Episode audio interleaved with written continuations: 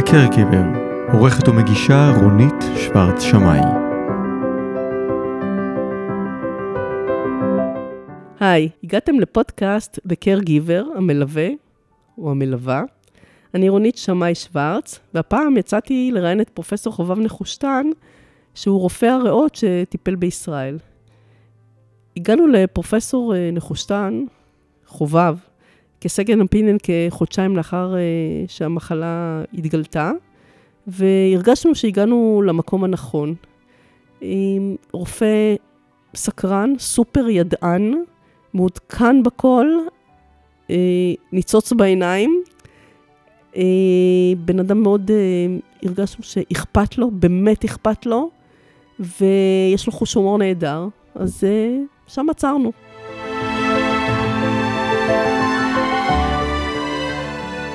חובב, היי.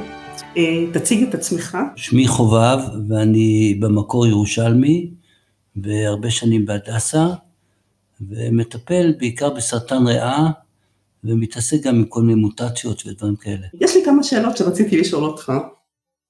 האונקולוגיה של היום היא שונה ביחס למה שהיה לפני 20 שנה, מניסיונך? אה, האונקולוגיה היא שונה, או יותר, יותר נכון להגיד, משתנה. כי עדיין המהפכה לא הגיעה לכל התחומים של האונקולוגיה. ויש לנו תחומים שבהם אנחנו, יש לנו את הסיפור של oncogene אה, addiction, שאנחנו מגלים איזה מוטציה ויכולים לתת תרופה וזה משהו יוצא מהכלל. זה עדיין חלק, חלק קטן אבל חשוב מהאונקולוגיה, חלק שהולך וגדל. יש לנו את האימונותרפיה שאנחנו בתחילת מהפכה. אה, כל הדברים האלה, ויש כיום את התרופות שזה נוגדן, מחובר למשל לרעל. כל הדברים האלה מביאים לנו אה, מהפך, שתי מהפכות בא, באונקולוגיה. אחת שיש לנו טיפולים יותר יעילים, והשנייה בעייתית, שהטיפולים הפכו להיות יקרים בצורה מטורפת. למה, למה הם יקרים בעצם? ממה, ממה זה נובע? מהמחירים של התרופות? הסיפור של המחיר של התרופות הוא מורכב. כי בעצם תראו, כשהיה כלכלה קומוניסטית, אז כמעט לא יצאו משם אף תרופה, אולי תרופה אחת, בן דמוסטין, חושב, מזרח גרמניה. אז אתה כן צריך את היזמות ואת התמורה ליזמות, ויש בזה סיכון גדול, והסיכון הוא אה, משני כיוונים. אחד, שהתרופה לא תצליח, שזה קורה בהרבה מאוד מקרים, והסיכון השני, שפשוט יעתיקו אותך ויעקפו אותך.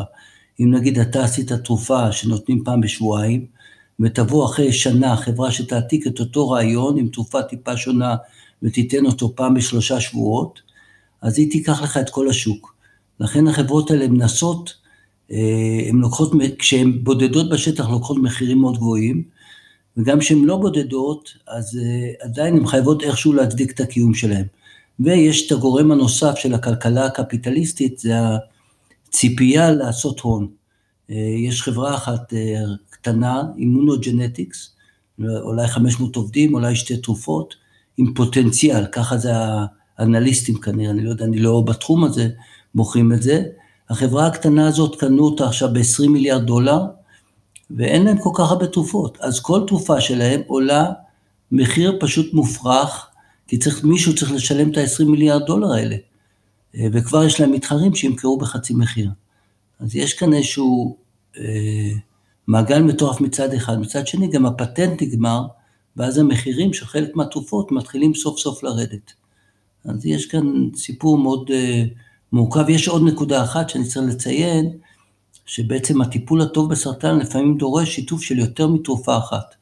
ואז אם יש לך תרופה שעולה 50 אלף שקל ותרופה שעולה 70 אלף שקל, קשה מאוד לשלב אותם, קשה לעשות לזה ניסוי קליני, כי הרבה פעמים זה בא מחברות שונות, ואנשים ימצאו דרך להתגבר גם על המכשלה הזאת. בעצם מה שאתה אומר, ואני נתקלתי בזה גם בניסיוני עם ישראל, אתה יכול להילחם בסרטן לפעמים על ידי קומבינציה של תרופות, נכון? אנחנו מנסים לעשות את העניין הזה, אבל תראו, אנחנו בכל זאת עובדים ברפואה ב-evidence-based medicine, כלומר אנחנו מנסים לבחור תרופות לפי עדות. עכשיו העדות הטובה היא ניסוי קליני, הכי טובה זה פייס 3, שמשווים טיפול אחד מול טיפול שני.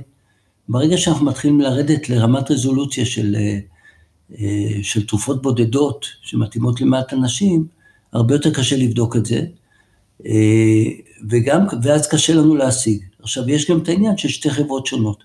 ובכל זאת הדברים האלה מתחילים להיות, מתחילים לעשות ניסיונות, למשל אימונותרפיה אחת בשילוב עם תרופות מעכבות אנגיוגנזה. Uh, ומתחילים גם לנסות לתת לחומר, לאנשים שיש מוטציות מסוימות, שילובים של חומרים. אבל כל העסק הזה לוקח יותר מדי זמן מבחינת ה, מבחינתנו, אנחנו לפעמים במצבים, הבעיה שאצלנו זה כבר חולים שבמצב מאוד מתקדם, אנחנו כן מנסים לעשות את זה בעצמנו גם. אמ, כל חולה כזה הוא קייס ריפורט, ואם זה מצליח זה כמובן מאוד משמח, אבל זה מין מאבק מתמיד להשיג את התרופה, ו, ואתה עושה את זה שאין לך עדויות מספיק טובות הרבה פעמים, אתה עושה את זה כש, שאין לך את האפשרויות האחרות. בעצם מה שאני מבינה מדבריך, אם אפשר לעשות ביטוח רפואי פרטי אה, למי שיכול, אה, בקטע של אה, תרופות, בייחוד מחוץ לסל, נכון? מה שקורה, זה, זה כבר נושא אחר קצת, איך הביטוח. מה שקורה עם הביטוח, מה ש... עכשיו תראו, הכיסוי הרפואי במדינת ישראל הוא אחד, אני הטובים בעולם. וברוב המצבים הכיסוי הרפואי מכסה. אבל יש מצבים, מצבי דחק, שבהם הכיסוי הרפואי לא מכסה, בחלק מהם, לא בכולם, אנחנו מצליחים להציג את התרופה מביטוחים פרטיים. אז מי שיש לו ביטוח פרטי, ויש לו ביטוח גם שיחצה אולי בדיקה, אז אה, אה, ודאי שזה יכול לעזור, ברוב המקרים זה פחות רלוונטי.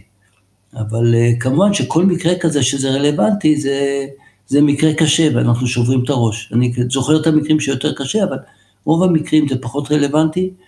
אם יש את היכולת לעשות, המחירים כל כך גבוהים, שאפילו סל הבריאות שלנו, המצוין של מדינת ישראל, אה, חייב לתעדף, ולא כל תרופה שמאושר ב-FDA נכנסת היום לסל, זה לא כמו שהיה בעבר. נשמע טוב מה שאתה אומר, בסך הכל, אה, מבחינת זה שיש עתיד, אבל אה, יש לך איזשהו צפי באמת למה יהיה בעשור הבא? זה, איך אומרים, הנבואה ניתנה לשוטים. מה יהיה, אני, אנחנו לא יודעים מה יהיה כאן במדינה מחר, אבל בגדול, אני חושב ששתי המגמות ימשיכו.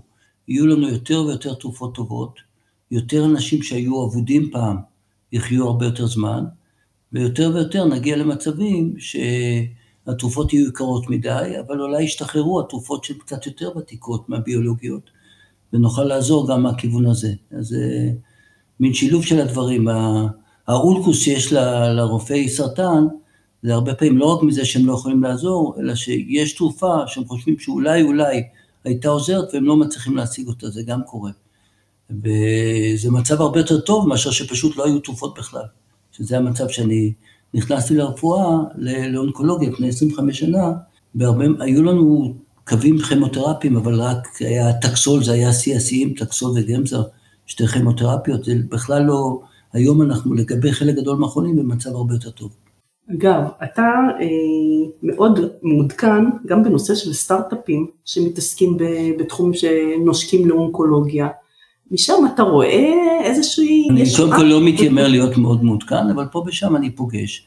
אני חושב שיש רעיונות שהם כאילו בכיוונים אחרים לגמרי ממה שנעשים היום. אה, אחד הדברים שהולכים לקרות, ואולי באמת ישנה להרבה אנשים, זה הרעיון, מה שקורה היום זה שחלק גדול מהגידולים לא מגיבים לטיפולים אימונותרפיים. ויש הרבה אנשים שתוקפים את זה בצורות שונות, איך להפוך גידול שהוא היום קר, כלומר מבחינת מערכת החיסון היא לא מכירה אותו, איך יהפוך, להפוך אותו למוכר ולהפעיל את מערכת החיסון נגדו. והדבר הזה, אני חושב שתוך חמש-שש שנים, אה, באמת לחלק נוסף חשוב של הגידולים ייתן לנו תוספת חשובה. אז אה, אני חושב שמהכיוון הזה של, של הסטארט-אפים זה כיוון אחד מאוד, מאוד יעזור. כיוון אחר שיוסיף לנו הרבה זה, אני אומר, אנחנו נותנים, עד היום נותנים את הכימותרפיות לפי אינדיקציה כללית. כל חולות סרטן שד, טקסול. אבל ה- היכולת שלנו לזהות אה, יותר טוב למי מתאים תרופה כזאת, אפילו כימותרפיות ובטח טיפולים ביולוגיים, אני מאמין שתוך עשר שנים היא תהיה יותר טובה, עוד פעם, תמורת, איך אומרים, סכום פעוט, שזה לא יהיה כל כך פעוט, אבל זה יעזור לנו מאוד. אז אני חושב ששני הכיוונים האלה, לדעת לבחור את הטיפולים הטובים, ולדעת להצליח באימונותרפיה איפה שקודם נכשלנו, זה אה, תוך עשר שנים יהיה מאוד מאוד להשתפר. אבל כמובן שיש הפתעות. לטובה, אני מקווה. כן, גם אני. יש לי שאלה קצת יותר אה, אה, נוגעת ליומיום שלך, בוא נאמר. כשמגיע אליך חולה בפעם הראשונה, מה אתה מניח שהוא כבר יודע? יש לך איזה פרוטוקול כאילו? מה שאני, מה שאני עושה בדרך כלל, אני פשוט שואל את החולה, מה הסבירו לך, מה אתה יודע, תראו, זה מחלות מאוד מאוד קשות. מורכבות, לא? כן, אבל אה, בעיקר, זה מין משהו שאף אחד, אף אחד מהאנשים, אלא אם כן היה לו קרוב משפחה, לא נתקל בדברים האלה קודם. אני משתדל להיות עדין, תמיד, תמיד אפשר להשתפר, כן, אבל uh, בגדול, אני מאוד נזהר עם ה... גם עם הבשורות הרעות וגם עם הבשורות הטובות. לא, לא להבטיח כל מיני הבטחות שאני יודע שתוך uh, זמן קצר אפשר להסתבר שאני לא עומד בהן, אבל גם לא לזרוע ייאוש, שזה אני חושב uh, מסוכן כשלעצמו. אגב, אתה ממש טוב בלא לזרוע ייאוש, מניסיוני, כי אני זוכרת שכשבאנו אליך בפעם הראשונה, היה, באנו עם איזה מכתב מרופא שרשם שלמחלה אין מרפא, או הסברתי לחולה ש, שאין מה לעשות, משהו כזה, ואתה אמרת שזה לא צנוע, כי אף אחד מאיתנו לא יודע מה ילד נכון. יום, ואנחנו באמת אה, צריכים להיות צנועים אה, ככלל. ואני מוכרחה לצטט קולגות שלך שאמרו, כי הייתי מסתובבת הרבה במסדרונות הדסה, אמרו לי, אל תדאגי, לחובב תמיד יש עוד איזה, עוד איזה מחשבה בראש, יש לו עוד איזה דפ, הם לא אמרו דפה, אבל אני הבנתי שיש לך עוד איזה דרך פעולה למי שלא היה בצבא, עוד דפה. הלוואי. רגע, רגע, לא, אבל בכלל יש לך גישה חיובית, אה, ואתה לא מוותר מהר. זאת אומרת, אה, לפעמים, אה, אתה יודע, החולה מגיע למצבים לא פשוטים, מי כמוך יודע, אבל אתה באמת תמיד בגישה חיובית, ו, זאת אומרת, אתה אתה נלחם, אוקיי? אני לא יודעת אם גישה חיובית זו המילה, אתה ממשיך להילחם. אני חושב שמאוד חשוב, רגע, רגע, רגע, שנייה, שנייה. זו, זו תמיד הגישה שלך? לא, אז אני חושב שמאוד צריך להיזהר עם הדברים האלה, ובעצם אני מקשיב גם לחולה והרבה למשפחה שלו. אמרו לי שבמצרים, בניגוד לארץ, יש חוק זכויות המשפחה של החולה. וואלה. ואני חושב שמהרבה בחינות הם יותר צודקים. כי עצם זה שאתה תבוא, ובסגנון האמריקאי אולי, תגיד את כל האמת בפרצוף, שאתה גם לא בטוח שהיא האמת עד הסוף, אתה גם כן יש לזה מחיר. אבל בשלב מסוים, שאתה רואה שבאמת הסיכוי שלך לעזור הוא קטן, והסיכוי להצליח הוא קטן, אתה צריך מאוד להיזהר לפני שאתה מציע עוד טיפול, לפני שאתה מבטיח כל מיני הבטחות שאתה לא יכול לעמוד בהן. אתה כן, אם אתה רואה שרוצים גם עם הסיכוי הכי קטן, בייחוד אצל אנשים צעירים, רוצים גם הסיכוי הכי קטן לנסות אותו, אז אתה צריך להפוך את הספרות, להפוך את זה ולנסות, ו, ואם זה מצליח לך, זה כל הצלחה אחת כזאת היא, היא שווה אולי עשרה ניסיונות, אם אתה לא פגעת בבן אדם בניסיונות האלה. אה, היה אצלנו מישהו מהוספיס, ונתנו נזיפה שאנחנו לא שולחים את החולים להוספיס אה, מספיק מוקדם. כן. כי לדעתו אנחנו סתם מעריכים להם את הסבל. ואני מאוד התעצבנתי עליו, כי אמרתי לו, אתה לא אונקולוג, אתה לא יודע מתי יש לנו מה לעשות ומתי לא. ותמיד, אה, טוב, אני נזכר בדוגמאות החיוביות, אני גם נזכר באנשים שכן, שכבר היו על איברי פי פחת וכן הצליחו, אבל היו הרבה שלא הצלחנו לעזור להם. מה אתה בעדינות, צריך לאט לאט להסביר שאין לך מה לעשות. Mm-hmm. או תלוי איך אתה עושה את זה, כן. אני, אגב, בהקשר של ההוספיס, לי הייתה איזו רתיעה מהמושג הזה, אני חושבת שגם לישראל. ועשיתי הרבה מאמצים לא להגיע, לדבר על זה וכולי, אני זוכרת שאפילו משהו ממש לפני שהוא נפטר, התחלתי לחשוב על זה וזה, ואז אמרתי, אה, אבל דיברתי עם איזה חברה שנותנת שירותי הוספיס, אתה בכלל לא שם, כי יש לך עוד טיפול עתידי, אז אין מה לדבר בכלל על הוספיס. וזה נתן תקווה דווקא, אני חושבת. זאת אז זה תמיד השאלה, כלומר, כי מצד שני, ההוספיסים, הם עושים עבודה נורא נורא חשובה עם ההוספיס בית, ואני מאוד מאוד מעריך אותם, שלא יישמע אחרת. ואני חושב שהם עוזרים לאנשים ב, בתקופות קשות, וצריך אולי לפעמים לדעת מתי כן להשתמש בעזרה שלהם. אולי לא לקרוא לזה הוספיס או זה, אבל כן לדעת שהם יכולים לעזור לך.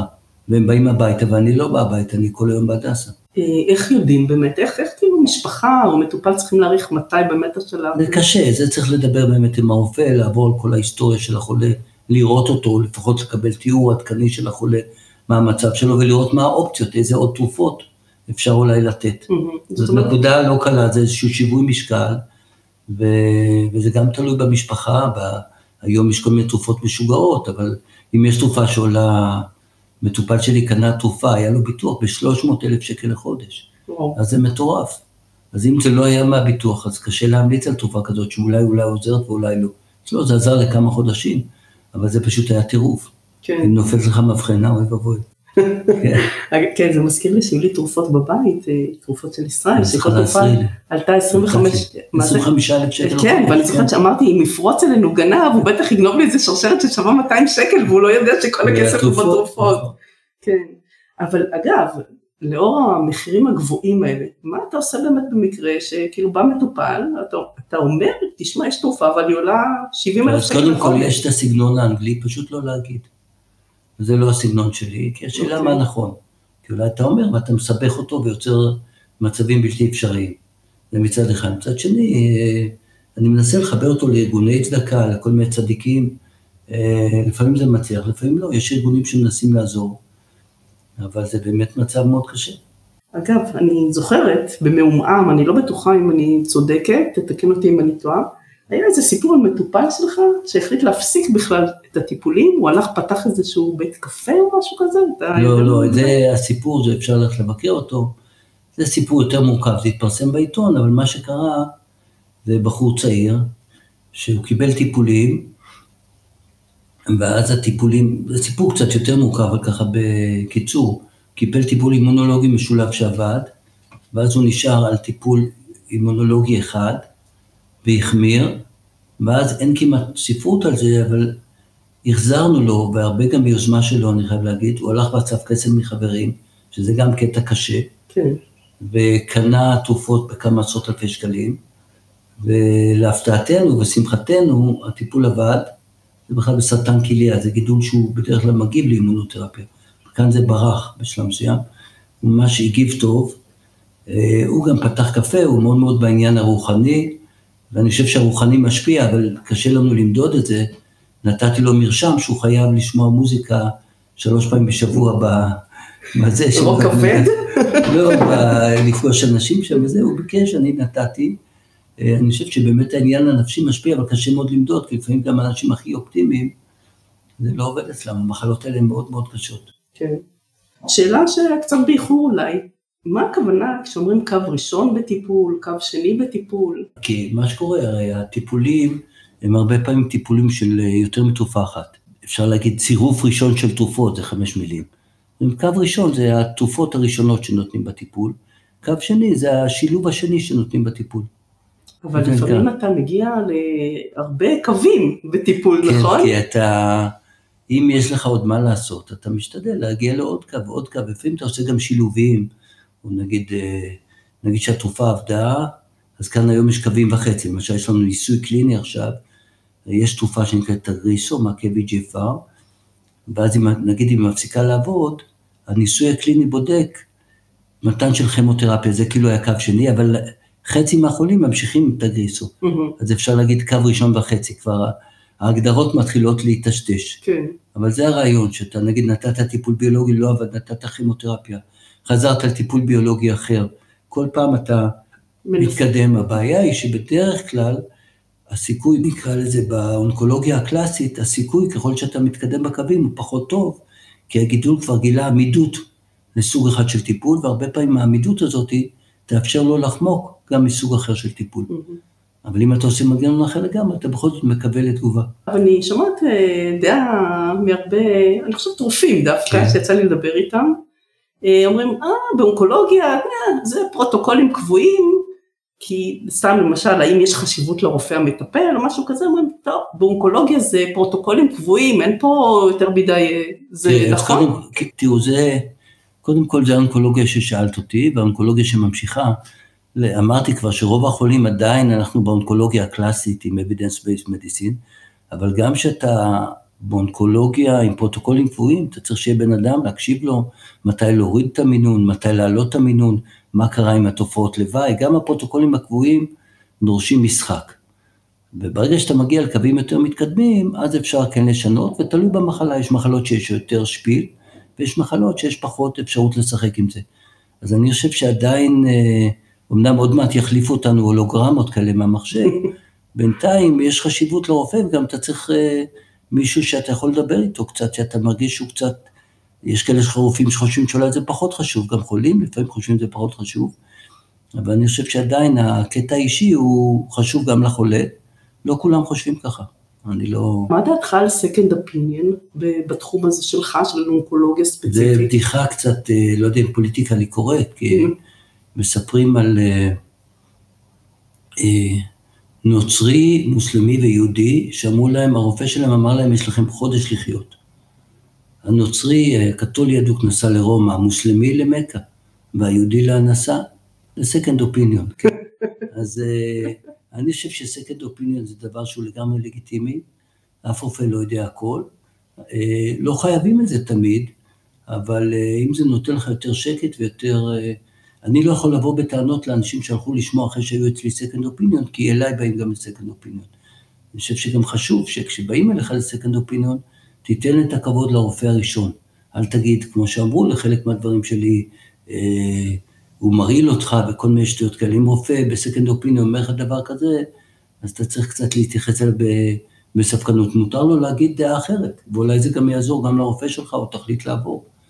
זה, זה נושא מורכב, אבל uh, אני חושב שזה חלק, uh, חלק לגיטימי במחלה שאתה, מחלה כל כך קשה. זה חלק בהחלט... Uh, עכשיו, חוץ מזה שזה לגיטימי, אתה חושב שזה חשוב? זאת אומרת, אתה בתור רופא אפילו, היית רוצה לקבל עוד, אה, עוד אינפוט כאילו של מישהו אחר שיסתכל? תראה, אני, לי, כל אחד יש לו את האגו שלו. Okay. אוקיי. נכון, אז אני, אז אם אני רוצה עוד אינפוט, אני מציג, יש לנו ישיבות שלנו, ואני מתייעץ, או התייעצות בלתי פורמלית ודברים כאלה. שזה אונקולוגים גם? כן, אונקולוגים. Mm-hmm. אני מתייעץ אצלנו עם מקרינים, עם כל מיני אונקולוגים אני מתייעץ. כן. Okay. אבל יש לי כמובן את הביטחון שאני מציע משהו שלגיטימי. אבל אני לא חושב שזה חובה, כן? אני לא חושב שזה חובה, אה, אבל לפעמים זה תורם לי, כן? זה תורם, ויש כאן שני צדדים. האם הרופא המטפל חושב שזה חובה? והצד השני, אה, כי הרופא המטפל מציג את זה בעוד, עם עוד רופאים באותו מרכז. מהצד השני זה הצד של המשפחה, שהמשפחה רוצה להרגיש שהם ניסו הכול. אה, זה יוצר איזשהו עומס על המערכת, ולכן בחו"ל אולי זה פחות מקובל, אבל אני חושב שזה צורך לגיטימי. אה, זהו, אני לא מרגיש, אני מרגיש שאני מספיק פוטנטי לתת את הטיפול לבד. לא מרגיש שאני חייב second opinion, כן? כן. מה אתה מצפה מרופאי המשפחה של החולים שלך? כי להם יש תפקיד, למרות שהרגשתי בשלב... תראה, אז יש להם קודם כל תפקיד לעזור לנו להשיג תרופות, אבל גם תפקיד בטיפול, כי הרבה פעמים החולים באים ויש להם עוד בעיות. או התרופות שלנו עושות להם בעיות. יש תרופות היום מאוד נפוצות, אנטי-אנגיוגנזה, משלבים אותם גם באימונותרפיה, אפשר מעלות לחץ דם למשל. או יש תרופות שגורמות לכולסטרול גבוה. כלומר, יש, יש את הטיפול הכללי בחולה, שהוא לאו דווקא בבעיה האונקולוגית, ושם לרופא משפחה יש תפקיד מאוד חשוב. כן. וגם יש בעיה, כדאי שנהיה בקשר. אז יש לו גם ידע שאני פחות מתעסק איתו, סכרת, כל מיני נושאים שהם יותר כלליים ופחות אני מטפל בהם בדרך כלל. וגם כמובן שיעזור מול כל הבירוקרטיה, כי אחת הבעיות העיקריות של חולים במחלה הזאת זה בירוקרטיה אינסופית, ואם אין להם caregiver, ה-caregiver בעצמו כבר יכול להתחרפן בזה, אבל אם אין caregiver ועושים את הכל לבד, יש רגעים של שבירה שהם מאוד מאוד קשים. כן. ו, אה, וכאילו אם, אם הרופא מצליח לעזור לו גם בעניין הזה, זה תרומה תרומה מאוד, מאוד, חשוב, מאוד חשובה. Mm-hmm. אני משתדל, אני תמיד בפיגור. אני, דרך אגב, גילוי נאות, אני ראיינתי רופא משפחה גם, אז כי אחד הדברים שאני שמתי לב במהלך המחלה, שהמערכות, הן לא תומכות לגמרי בשילוב שבין האונקולוגיה לרפואת המשפחה. בסדר, זה תלוי הרבה פעמים גם ברופא ובאונקולוג, כולנו באיזשהו... מרוץ, אה, לא? כולנו, כן, באיזה חסך בזמן, ו... חולה אחד יכול בעצם לדרוש, ובצדק, זמן אינסופי כמעט, אז יש כאן איזשהו, והמערכות לא מחוברות ביניהן, ואולי זה טוב לפעמים, זה שנגיד, אני לא יכול, לי זה חסר, אני לא יכול לקרוא את התוצאות מקופת חולים אם החולה לא, לא נרשם אצלנו באותו יום, כן. זה דבר שחסר. הרופא שם לא יכול לקרוא את התוצאות אצלנו, שזה דווקא אני שמח לפעמים. למה? אה, יש בעיה נוספת שלא דיברנו על מחירים של תרופות וחברות ביטוח, שבעצם ההחלטה על הטיפול של החולה יצאה מהידיים של הרופא המטפל לחברות ביטוח בהרבה מקרים. ואז אתה עומד, נגיד שיש תרופה שאלה כמובן איך בדקו את התרופה, איך קיבלו לה אישור בסל וכולי. כל התרופות עלו, לא עלו הרבה, אז זה לא היה בעיה, כימותרפיות זה בדרך כלל לא בעיה. אבל יש לך מצב עם טיפול ביולוגי, שהניסוי שה, אה, נעשה בצורה מסוימת, בניסיונות הקליניים בדרך כלל כשיש איזושהי החמרה במחלה, עוברים לקו הנוסף טיפול. אבל הרבה פעמים הקו הנוסף של הטיפול הוא לא שווה הרבה. ויש עדויות שאולי כדאי להמשיך באותו קו, נגיד לתת טיפול בהקרנה מיוחדת, נגיד אם יש אירוע בודד או דברים כאלה. הקופה מאוד נוקשה, מאוד מפריעה, לא נותנת לי את ההחלטה להגיד למי התרופה עוד ממשיכה לעזור ומי לא. הקופה מחליטה לפי מין קריטריונים נוקשים כאלה. למרות שאתה האוטוריטה המקצועית. למרות שאני האוטוריטה המקצועית, הם חושבים שהם יודעים יותר טוב, ומה שמעניין אותם זה מה כתוב בסל הבריאות. אז אפשר לצעוק על זה ולהגיד זה לא פייר, אבל גם כשתקצבו את זה, אז עשו את זה אולי לפי הניסיונות הקליניים. יש כאן עוד עניין קצת מסובך, שבניסיונות הקליניים בדרך כלל בריאה השתמשו רק ב-CT. כשאני שולח חולה לעשות PET זה הרבה יותר רגיש.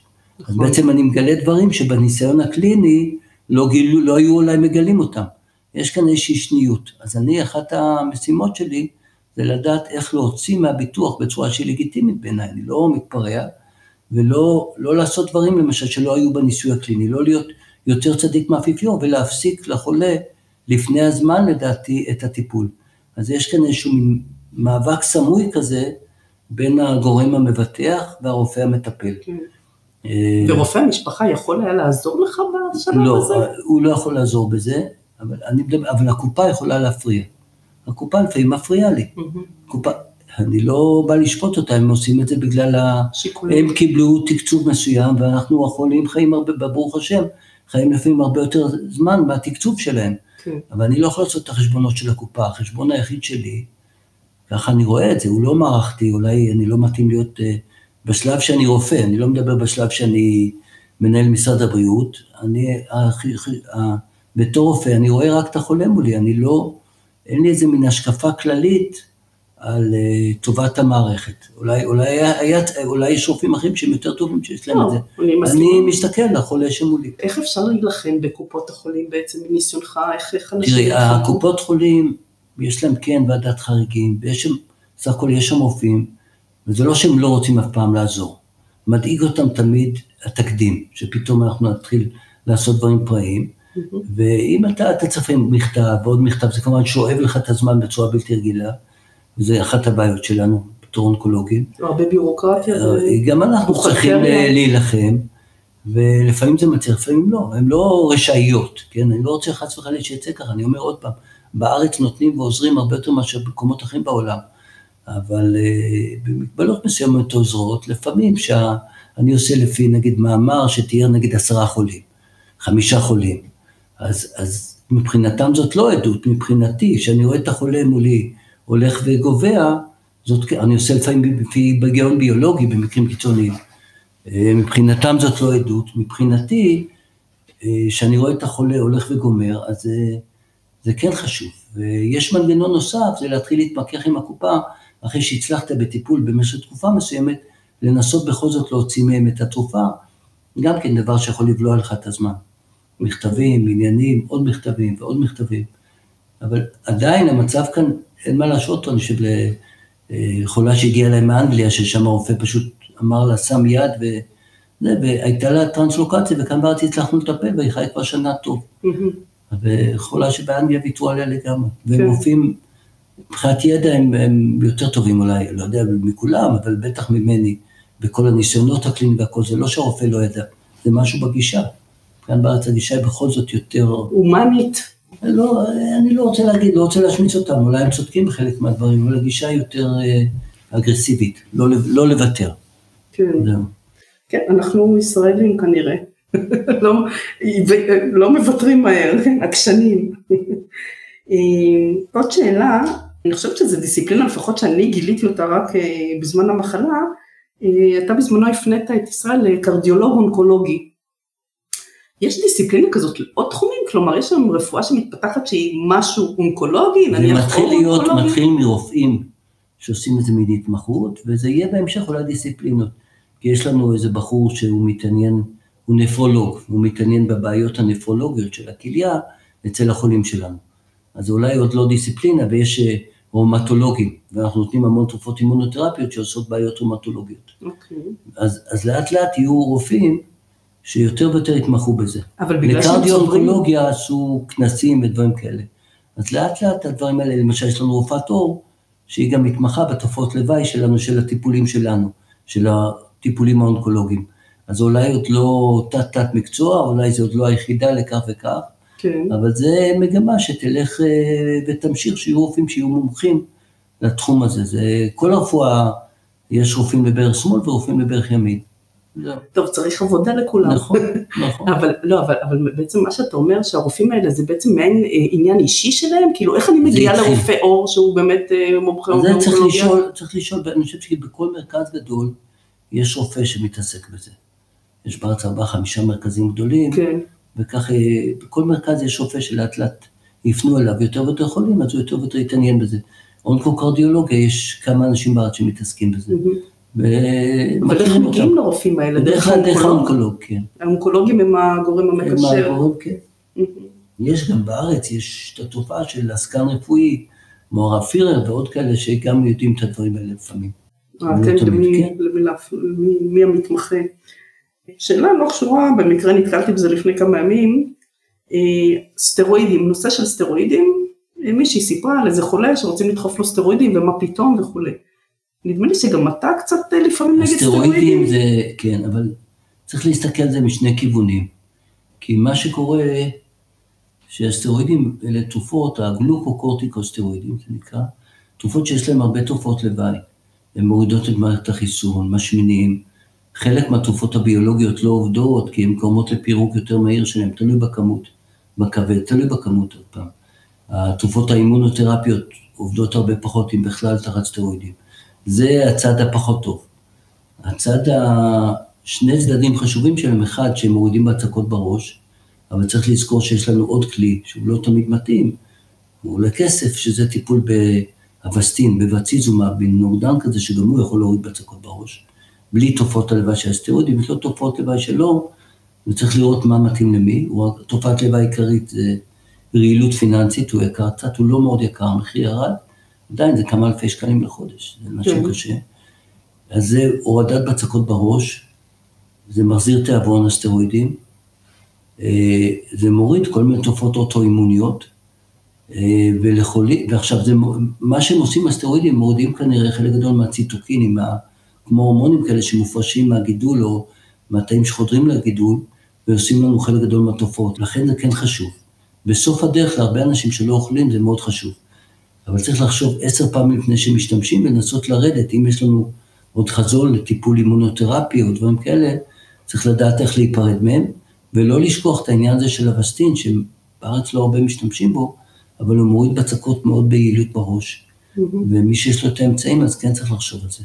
כלומר הדיפולט של, אני לא יודעת אם דיפולט, אבל הנטייה להשתמש בסטרואידים צריך לבדוק אותה. צריך לבדוק אותה טוב, כלומר גם מישהו שיש. לו קצת בצקת בראש, אז אבסטין למשל עוזר לאימונותרפיה, והסטרואידים משתקים אימונותרפיה, שזה הקו הטיפולי הראשון להרבה מאוד חולים. ובארץ עדיין לא, הרבה רופאים לא משתמשים בזה, מאוד- אני אחד הבודדים אני חושב שמשתמש בזה. גם זה תלוי במשפחה, זה לא בסל הבריאות. זו דוגמה לתרופה שהיא לא בסל הבריאות ואנחנו בבעיה איתה. גראס. אתה מתעסק עם זה? אתה שולח חולים? חצי, חצי מהגראס בירושלים, אני חושב שזה עם חתימה שלי. וואלה, טוב שבאתי. אבל לא, אז אנחנו מתעסקים, אני לא חותם על גראס, יש לנו רופא אחד שהוא מומחה לנושא, ואני ממלא טפסים.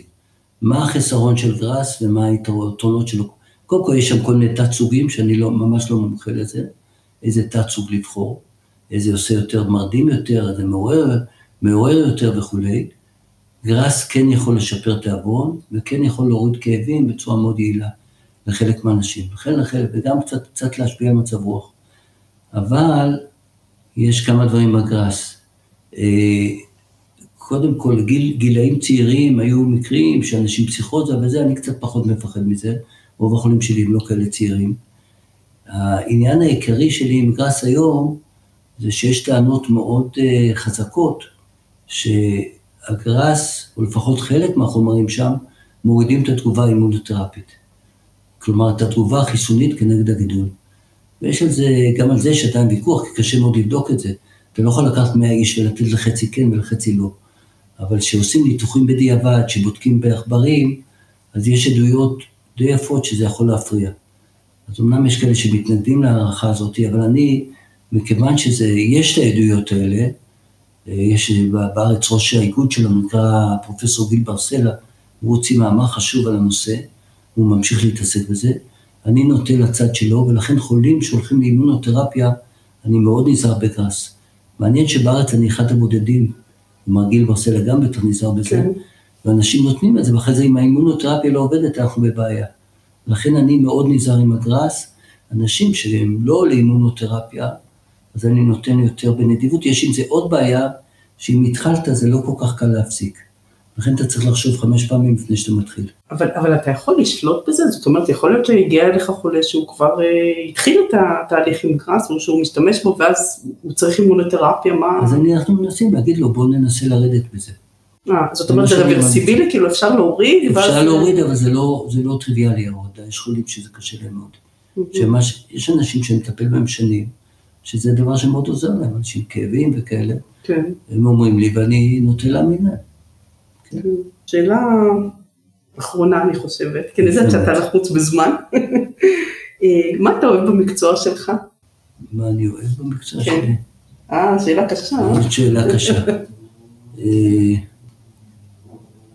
יש לי רגשי חובה כאלה, קודם כל הצלחתי להתפרנס, לקבל עבודה, שזה לא טריוויאלי, הייתי ביולוג ושם זה היה הרבה יותר קשה.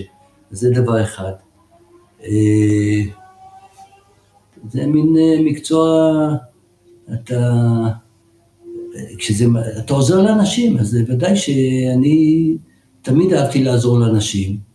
אז יש לך איזשהו מין, אה, אמנם אתה אולי לא הפרופסור שמגלה את התרופה שתציל את העולם, אתה רק עוזר למשה זוכמי לקנות עוד כמה חודשים, אבל זה, זה דבר שהוא חשוב, זה דבר ש, שנותן לך איזו הרגשה שאתה עושה משהו, אבל אני מאוד נזהר עם ההגדרות ולהגיד, אני, בכלל אני לא מתאר את עצמי בתור איש שיצא לשליחות, או כל מיני מילים כאלה מפוצצות. כן. אני בדרך כלל מנסה להרגיש שאני מנסה לעשות את החובה שלי, כן?